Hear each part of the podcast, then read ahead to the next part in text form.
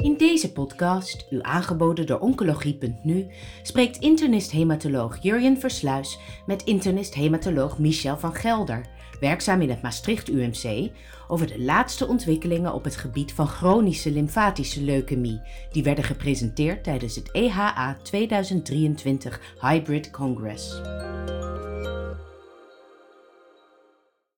Michel van Gelder, welkom bij deze podcast waarin we de hoogtepunten op het gebied van CLL, gepresenteerd op de EA 2023 in Frankfurt, zullen bespreken. Michel, voordat we erin duiken, eh, als ik het congresoverzicht begreep, eh, bekeek, zag ik wel aantallen dat CLL dit jaar echt minder abstracts had dan de vorige jaren. Is jou dat ook opgevallen? Nee, dat is me niet opgevallen. Maar wat mij wel opviel was dat er één sessie was ehm, in een kamer. Nou, daar hadden eigenlijk drie keer zoveel mensen in gemoeten. Die konden er dus niet in. Dus CLL is wel degelijk uh, uh, een veld van interesse.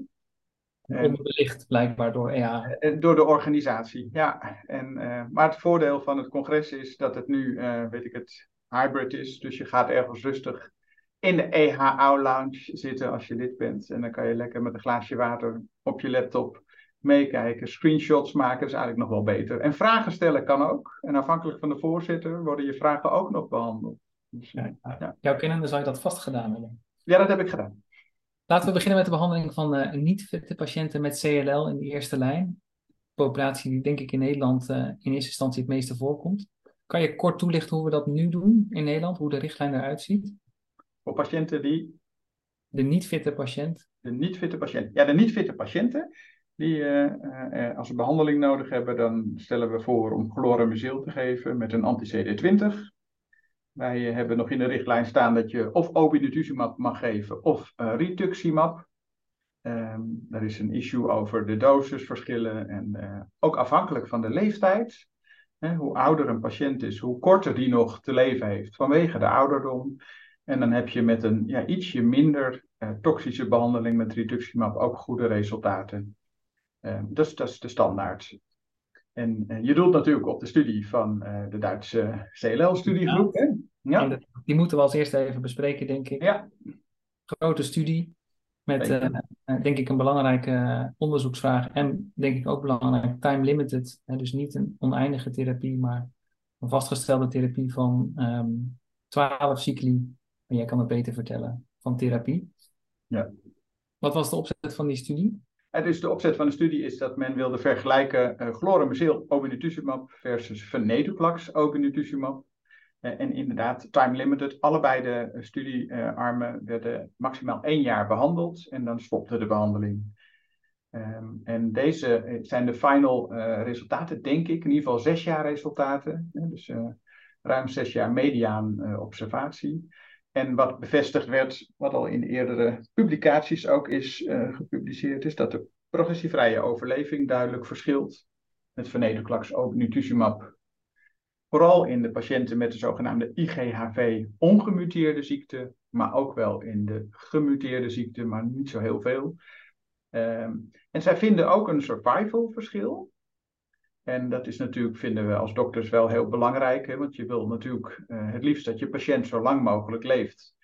En dat de behandeling die daarvoor nodig is ook niet zo heel veel nadelige gevolgen heeft. Nou, als je kijkt naar de bijwerkingen, profielen, die zijn vergelijkbaar hè, tussen venetoclax obinutuzumab of chlorambucil obinutuzumab. Dus die voorwaarden, daar is wel aan voldaan.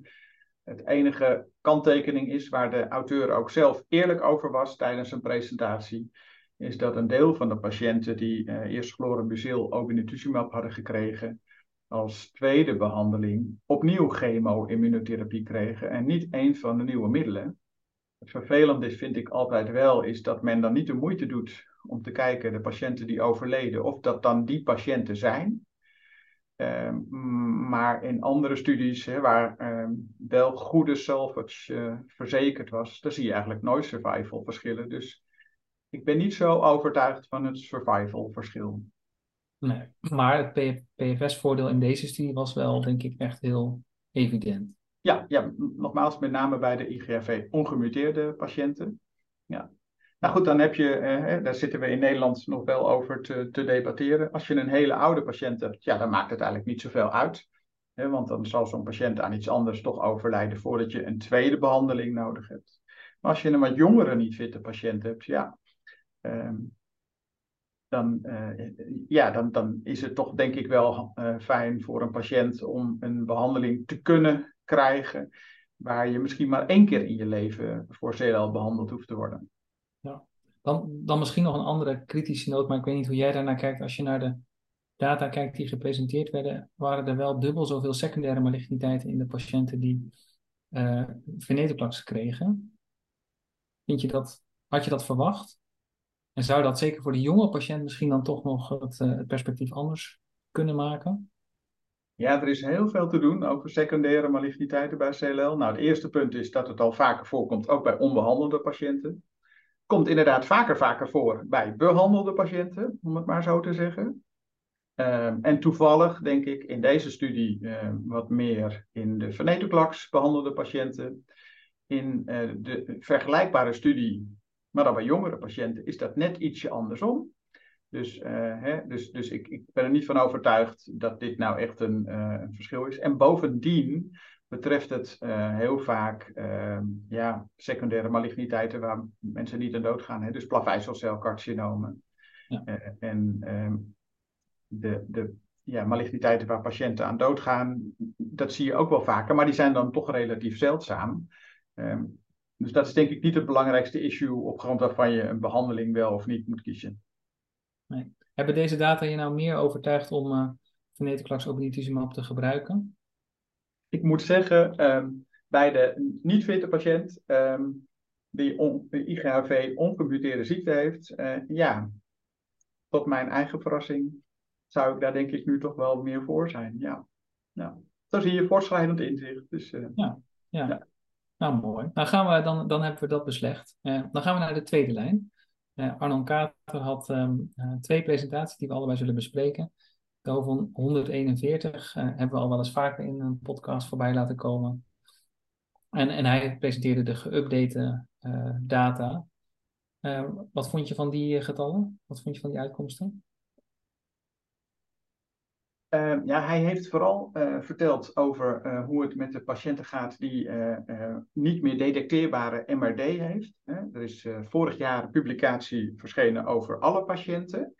en nou, het idee was hè, dat ehm, als je nou patiënten die een recidief hebben en dus nieuwe behandeling nodig hebben, als je die nou de combinatie geeft van venetoclax en ibrutinib, dat dat slim is. En uh, het leuke van, uh, van Arnon Kater uh, en Erik Eldering, hun laboratoria, zij zijn heel erg bezig met hoe het in die cellen werkt, welke enzymen er van belang zijn, welke mechanismen. En ze hadden op grond van hun data de, de verwachting dat door de combinatie van venetoclax en ibrutinib die elkaar zouden versterken. En dat die ehm, zeg maar zouden leiden tot een verandering in, in de activiteit van enzymen die van belang zijn om een CLL-cel in leven te houden. Nou, die uitkomst was er niet. Dat was uh, Erik Elderings uh, praatje en uh, dus daar was hij snel klaar mee. Er gebeuren wel andere dingen, maar ja, als dokter ben ik dan een beetje afgehaakt. nou, dat neemt niet weg dat die behandeling effectief is. En dus de combinatie uh, venetoclax en ibrutinib is effectief voor patiënten met CLL. En ja, een deel, zo'n derde deel, krijgt dan niet uh, detecteerbare minimale restziekte. En daar heeft men dan gekeken, kan je randomiseren tussen wait and see en dan monitoren en dan bij een stijgend MRD dan wel weer een full-blown recidief kan je weer hervatten. En de andere patiënten die kregen continu ibrutinib na de inductie met venetoclax en ibrutinib. En nou ja, dan is de, de conclusie dat dat um, hervatten van uh, met ibrutinib mogelijk is als de MRD weer stijgt. En dat de patiënten daar uh, weer op reageren. En dus dat ze een tijdje geen uh, behandeling hoefden te krijgen. En dat is bij ibrutinib natuurlijk wel fijn. Hè, want ja, het is denk ik wel steeds meer bekend dat ook deze BTK-remmer niet alleen targeted is, maar dat er ook zeg maar, doelgerichte bijwerkingen zijn.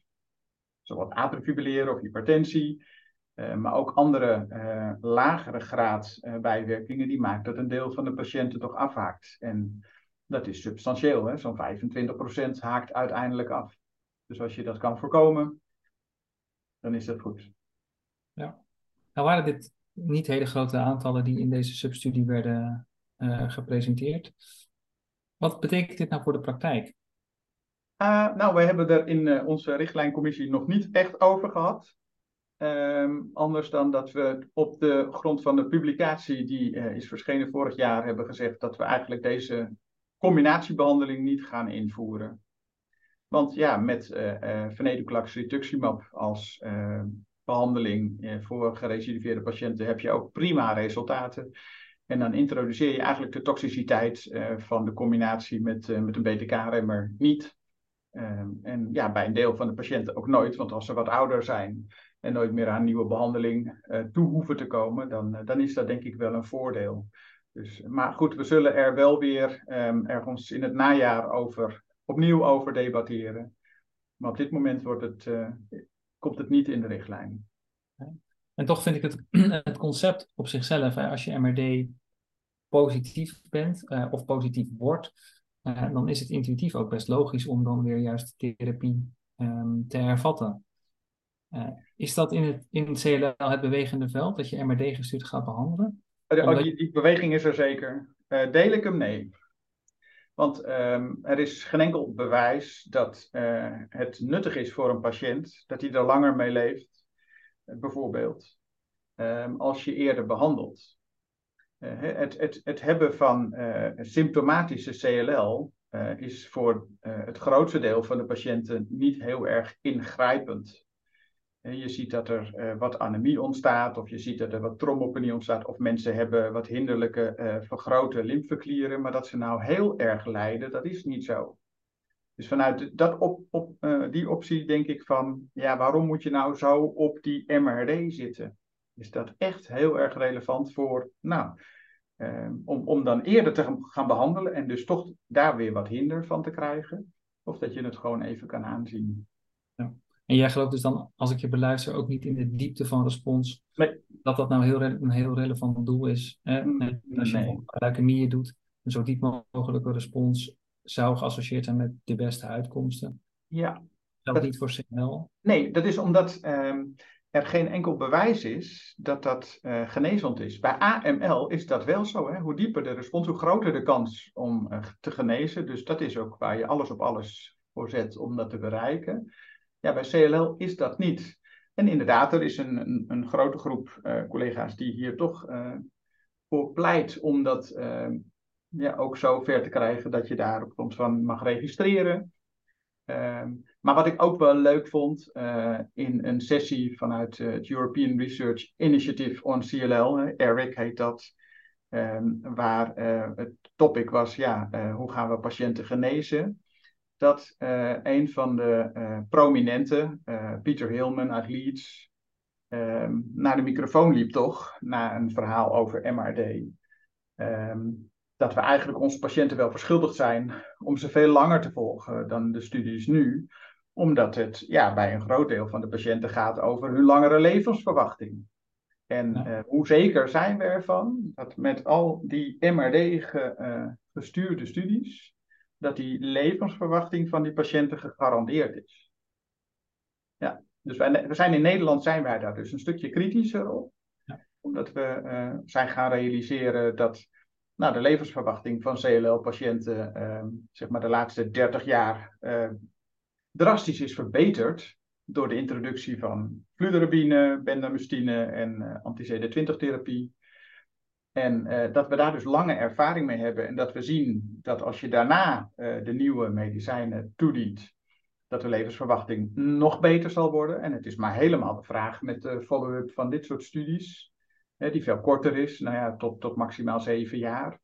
Of die lange termijn, en zeker bij de jongere patiënten heb je het over tientallen jaren, of die ook bereikt zal worden. Dus dat, ja. is, uh, dat, is, dat is een, een zorg. Dus die, uh, ja, die zorg vinden we ook dat patiënten uh, moeten kennen. En dan staat het uiteindelijk patiëntenvrij, denk ik, om uh, alles overziend. Nou, de een kiest voor die strategie en de ander kiest voor de oude strategie. Van een afstandje beluisterend, ik, ik heb wel het gevoel als ik het CLL-veld volg, dat in, internationaal men daar niet allemaal zo denkt als in Nederland wij daarover praten. En, nou, kijk, het lastige is dat je alleen maar de opinieleiders hoort en leest. Maar dat in de wandelgangen wel degelijk ook, ook in de States, maar waarschijnlijk ook in ons buurland, in, in, Duitsland en misschien zelfs in België. ik weet het zeker in Frankrijk, waar ik een aantal collega's ken, waar nog wel degelijk mensen bereid zijn om chemo-immunotherapie te geven. En ook een land als Australië, hè, Steve Mulligan, waar ik laatst een Teams meeting mee had ja, die ook eh, zich afvraagt, uh, gooien we niet het kind met het badwater weg door, zeker door IGHV-ongemuteerde patiënten, de chemo-immunotherapie te onthouden, waarvan we zo weten dat ze uh, heel lang daarop in leven kunnen blijven. Nou. Is dit een stiekem pleidooi voor het weglaten van MRD in, in eindpunten in studies? Of forceer ik je naar, naar een uitspraak nu? Ja, ik ben er inderdaad niet voor om, zeker uh, eerste lijn, maar dit was een tweede lijn studie, uh, om, uh, om, om op MRD te, te, te, te streven. Waar je niet weet wat er op de lange termijn gebeurt. Ja, dat vind ik ingewikkeld. Ja. Het is, aan de andere kant is ook, hè, want de MRD-patiënten die MRD-positief bleven, dus dat is zo'n, nou ja, wat is het, 65 procent, die werden dus doorbehandeld. Terwijl eigenlijk we nooit onszelf de vraag hebben gesteld, in, in dit geval van die venetoclax ibrutinib-inductie, uh, hoe nodig is dat? Of kan je ze ook even uh, um, zonder behandeling laten en um, nou ja, dan uh, als de ziekte weer opkomt, opnieuw geven. We, het gevoel leeft misschien dat ze dan refractair zijn geworden. Maar goed, ze waren al minder gevoelig. Daarom werden ze niet ondetecteerbaar, die MRD. En uh, ja, waarom zou dat dan anders zijn? En kan je ze weer opnieuw behandelen? En er was zelfs één uh, studie, poster was dat, waarin, dat was real world data, en daar liet men zien um, wat de survival was van de patiënten die um, vanwege toxiciteit lagere doses ibrutinib uh, namen. Die, die, survival was beter dan, dat ze doorgingen. Dan de patiënten die doorgingen met de standaardbehandeling. Nou is dat altijd een beetje de vraag waarom uh, zijn ze dan minder gegaan. Daar kom je nooit helemaal achter. Hè. Ze zeggen wel via bijwerking, maar hoe, hoe goed is zo'n real-world uh, studie? Maar het geeft wel aan dat daar vragen liggen die eigenlijk om een goed antwoord vragen. Nou. Ja, ja. En misschien ook nog wel weer mogelijkheden bieden voor nieuwe studies. Ja. Um, als je het dan hebt over studies die afgerond zijn en waarbij dan uh, de laatste follow-up data gepubliceerd worden en gepresenteerd worden. Dat was ook een presentatie van Arnon over de Murano-studie. Dan zeg je eigenlijk dat is jammer, want um, zo'n finale analyse, het staat ook in de titel als eerste woord, dat, dat is eigenlijk de laatste follow-up van deze patiënten. En ja. juist CLL is dat nodig om die patiënten lang uh, te vervolgen. Ja. Hebben deze, de presentatie van Arnon van de Murano-studie ons meer geleerd over de, de combinatie venetoclax rituximab versus uh, bendamustine rituximab? Wat we al wisten van deze studie uh, is dat uh, progressievrije overleving beter is hè, met venetoclax rituximab vergeleken met de bendamustine rituximab. Um, en, en dat er ook een survival verschil wordt gezien. Ook hier weer, net als de Duitse studie, was niet zeg maar de salvage therapie verzekerd. Dus ook hier weer een deel van de patiënten die als derde lijn opnieuw chemo-immunotherapie kregen. En dat we niet weten uh, waar de oversterfte door is gekomen. Um, maar ja, het is wel een behandeling die um, in Nederland ook in de richtlijn um, staat. En uh, als je dan weer denkt aan de lange termijn, dan, uh, dan zie je dat die venetoclax rituximab in tweede lijn of in derde lijn even effectief is. Dus vandaar dat we ja, de overweging hebben dat de patiënten die lang progressievrij zijn op een eerste chemo-immunotherapie. Uh, en ze zijn wat jonger. Eerst nog eens een tweede chemo-immuno krijgen, in de vorm van BR dan. Omdat ze dan best een kans hebben op weer een lange uh, progressievrije uh, overleving. En pas daarna die venetoclax rituximab toe te passen. Zodat je nog meer tijd van leven misschien krijgt door deze combinatie. Ja, en interessant is dus als je die patiënten opnieuw met venetoclax rituximab behandelt, dat ze dan nog steeds goede responses laten zien in deze substudie. Het waren 50 Ja, precies. Ja, dat was een substudie inderdaad. En uh, het, het, lastige dan is van deze substudie dat je niet weet wat de progressievrije overleving was op de eerste keer dat ze venetoclax rituximab uh, kregen. Dat, dat zou nog eigenlijk wel uh, boven het water kunnen komen. Want het, op zich zou het best kunnen zijn dat de eerste keer ook al niet zo lang werkte. En, maar dat als je het een tweede keer geeft, het dan even lang werkt. maar het kan ook anders zijn, want ja, zeg maar de mediane progressievrije overleving van deze subgroep was net iets meer dan twee jaar. Dat betekent dat de helft al tijdens de behandeling, want de behandeling duurde twee jaar, progressief was. Dus die zijn daar dan on, ongevoelig voor. Nou. Maar het is in ieder geval een, eh, een, een, een goede optie. Eh, uiteindelijk, waarschijnlijk is het zo dat chronisch lymfatische leukemie bij een behoorlijk deel van de patiënten die behandeling behoeven, ja, niet te genezen is. Maar als je ze met een relatief milde behandeling, en dat is venetoclax toch uiteindelijk, eh, nou toch weer eh, een tijdje verder kan helpen, ja, dan is dat goed om te weten. Ja, nou, inderdaad. Een mooie toevoeging van de studie die helaas dus niet meer terug zal komen in de komende, opkomende congressen. Uh, je, je, had al een, eh, een pleidooi voor de chemo-immunotherapie in de eerste lijn. Um, maar dat heeft natuurlijk ook wel nadelen. Je kan niet ontkennen dat dat alleen maar uh, effectief is. Um, en uh, er was een, uh, een, studie, een grote studie, observationele studie van Harmony van, van de European Research Initiative in CLL gepresenteerd. Die ging over een van de nadelen secundaire maligniteiten of andere maligniteiten bij patiënten die CLL hadden. En ik vond die data toch wel interessant, omdat je zag dat daar toch best wel wat maligniteiten wellicht toe te schrijven zijn aan de chemoimmunotherapie vind ik. Maar wat denk jij? Oh, nee, nee, dat is in het algemeen niet zo, behalve één. dus uh, het is overduidelijk ook uit deze studie, maar dat is ook al eerder uh, uit andere studies gekomen, ook uit Nederland, hè, IKNL recent, um, dat als je patiënten FC geeft of FCR, dat er een 2% kans is op het krijgen van myelodysplasie, dan wel acute myeloïde leukemie. En de prognose van die patiënten is slecht. Dat, dat is bekend. Dus dat kwam ook uit deze studie. Uh, waarbij het overigens ook bij deze studie wel zo is. Het is een uh, observationele studie. Heel veel centra hebben aan meegedaan.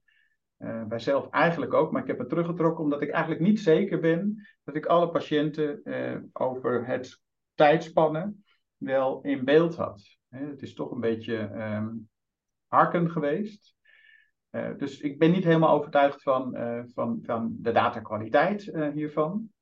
Ehm, maar wat, wat, wat de studie wel laat zien is dat inderdaad behandelde patiënten ehm, ook secundaire maligniteiten kunnen krijgen, wat vaker dan de onbehandelde patiënten. Maar dat wisten we dus ook al uit het Nederlandse onderzoek. En ook hier, ehm, het betreft vooral die plaveiselcelcarcinomen, ja, waar bijna geen patiënt aan zal overlijden. En dan zie je ehm, wel dat er um, ietsje meer kans is op het krijgen van um, borstkanker was het en longkanker.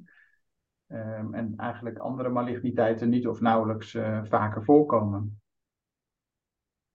En het lastige van die 2% acute myeloïde leukemie en myelodysplasie is dat bij een groot deel van de co-auteurs van dit onderzoek, maar ook andere opinieleiders, Ehm, de gedachte leeft van ja, dat is eigenlijk niet wat je als dokter wil dat je patiënt overkomt. En daar ben ik het natuurlijk mee eens. Maar het is aan de andere kant ook wel zo dat 98% het dan niet over. En als je weet dat, uh, dat die FCR met name, en zeker bij de IGHV gemuteerde patiënten, tot enorm lange uh, progressievrije overlevingen leidt. Het zijn dus jongere mensen, hè, dus die hebben in principe als het goed is, als ze gezond zouden zijn, een lange levensverwachting. Dus dat gun je ze ook als, je, als ze CLL hebben. Um, dus ook weer hier die, die Steve Mulligan uit Sydney, waar ik dan mee sprak. Is een van de mensen die mij steunt in het feit van, nou, we moeten dit echt wel blijven omarmen. En natuurlijk moet je je patiënt informeren dat die kans er is. Maar de grootste kans is dat het wel uh, nuttig is. Ja, ja. ja helder. Um, ik wilde je vragen, heeft FCR nog een plaats in de behandeling van CLL? Uh, eh, maar dat, die vraag heb je eigenlijk al beantwoord. Of wil je daar ja. laten? Uh, ja, ja. Het leuke is ook dat uh, we, we zitten met een keuzehulp. Hè? die komt binnen een aantal maanden, gaat die in de lucht vanuit de See My CLL is dat. En die is zeg maar samengesteld samen met een groot aantal patiënten en maar een paar hematologen. En het leuke is dat als je dan met patiënten in gesprek komt, dan kom je dus op, op, op, op hoe patiënten er naar kijken. En een van de patiënten vertelde me dat als CLL-patiënt, en je zit nog in de wederzierfase, dan voel je nog stevige grond onder de voeten. Maar op het moment dat je behandeling nodig hebt, ja, dan ben je eigenlijk bang van, oeps, ik zou kunnen verzuipen in de zee. En wat hoop je dan? Dan hoop je dat er een ijsberg is die voorkomt dat je gaat verzuipen. En de ijsberg die staat voor een behandeloptie. En dan hoop je dat uh, die ijsberg lang genoeg is, dat is dan de progressievrije overleving, zodat je weer een tijdje voort kan wandelen. Maar als de ijsberg dan op is, dan hoop je dat er een nieuwe is. En eigenlijk hoop je dat er nog een aantal ijsbergen zijn. Nou, en dus weten we um, hè, dat uh, als je met chemo-immuno begint, dat je het eventueel nog kan herhalen en daarna nog de ijsberg uh, venetoclax en uh, BTK-remmers hebt. Terwijl als je met de ijsberg venetoclax of BTK-remmer begint, dan weet je eigenlijk niet of er nog echt ijsbergen zijn. Er zijn wel opties, maar of dat een reële ijsberg is waar je lang op kan lopen, dat is nog onbekend. En ja, daar zitten we als, denk ik, als CLL-community nu wel een beetje op, uh, aan, over te, te, te, te, te dubben van hoe gaan we dit nou vaststellen. Maar de eerste stap is denk ik al dat je dat eerlijk aan een patiënt vertelt, dat dit een dilemma is. Ja, nou dat zeg je heel mooi. Zeg afsluitend, uh, zijn er nog uh, nieuwe ijsbergen die je verwacht in de, in de toekomst? Of dingen die je gehoord hebt op EAA, waarvan je denkt, daar gaat de toekomstige CLL-patiënt wellicht nog op kunnen blijven drijven? Ja, er komt natuurlijk een, een, een, een ijsbergje bij. Hij lijkt nog niet zo heel erg lang, maar goed, elke, uh, elke paar jaar is meegenomen. Dat zijn de, de niet-covalente BTK-remmers. dus patiënten die op de covalente BTK-remmers refractair zijn die hebben dan uh, een grote kans om daarop te reageren. Maar uiteindelijk wordt een groot deel daar ook wel weer resistent van. Maar dat, ja, dan heb je weer een nieuwe ijsberg. En de andere ijsberg is de CAR-T-cel. Um, maar bij CLL ja, ben ik daar nog niet zo enthousiast over. Um, dus dat, het komt omdat die, uh, zeg maar de lymfocyten, de T-cellen van de CLL-patiënt zelf, door de ziekte op de een of andere manier minder krachtig zijn. En uh, nou ja, er is één groep in Pennsylvania en die heeft dan ibrutinib gecombineerd met de CAR-T-cel. vorig jaar gepubliceerd. Maar ja, als je die curve echt vergelijkt, hè, van het moment dat ze CAR-T-cellen gaven met de curves van patiënten die een jaar lang al ibrutinib kregen, want zo lang was dat. en, en dan de progressievrije overlevingen ziet, ja, dan zie ik geen verschil. En dat heb ik ze wel eens op een pro-contra debat uh, uh, mogen vertellen. En daar heb ik niet van gehoord dat ik het niet goed zag. Dus ik denk dat er nog best wel wat ehm, ja, te, te, te doen is om CAR-T-cellen echt effectief te maken. Ja. Nou, we gaan het in de gaten houden. Dank Michel voor deze podcast. Graag gedaan. Hartstikke leuk. Bent u geïnteresseerd in meer podcasts? Deze zijn te vinden op de website www.oncologie.nu. Heeft u zelf een onderwerp of onderzoek dat besproken kan worden in een podcast? Mail het naar info@uitgeverij-jaap.nl.